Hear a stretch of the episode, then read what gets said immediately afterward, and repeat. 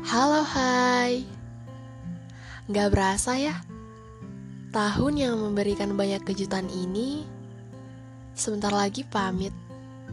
Kita cerita yuk.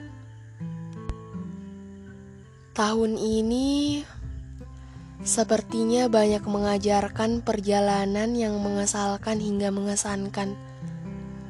Dimulai saat penantian libur yang penuh warna menghampiri menjalankan kewajiban yang katanya kita diliburkan.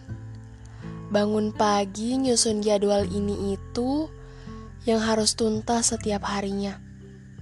Dan terkadang membuat kita merasa libur macam apa ini? Yang dulunya pengen ngumpul di rumah malah sibuk rebahan karena sudah terlalu bosan. Yang dulunya nggak pernah tahu kehidupan keluarga seperti apa, jadi tahu ternyata nggak sebahagia itu ya. Yang tadinya punya temen buat berbagi masalah, malah terhalang oleh jarak. Satu-satunya jalan yang menikmatinya.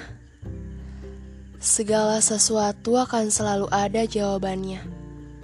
Bukan hari ini, mungkin 10 hari setelahnya. Cukup kita menjalani walau belum yakin nantinya akan optimal apa maksimal. Sadar nggak? Apa yang kita harapkan selalu punya jalan ke sana. Tetapi saat tiba di tujuan, kita akan selalu ada arah untuk melanjutkan perjalanan. Itulah hidup.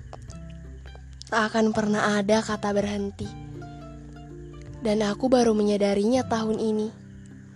Kita harus bersyukur dihadirkan tahun 2020.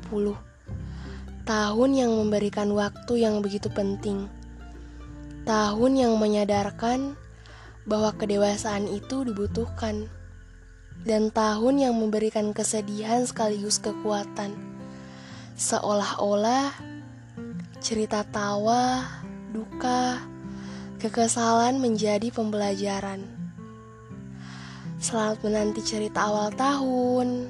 Selamat menanti kisah kejutan di 2021 yang mungkin akan mempersatukan serpihan-serpihan yang masih berserakan di tahun 2020.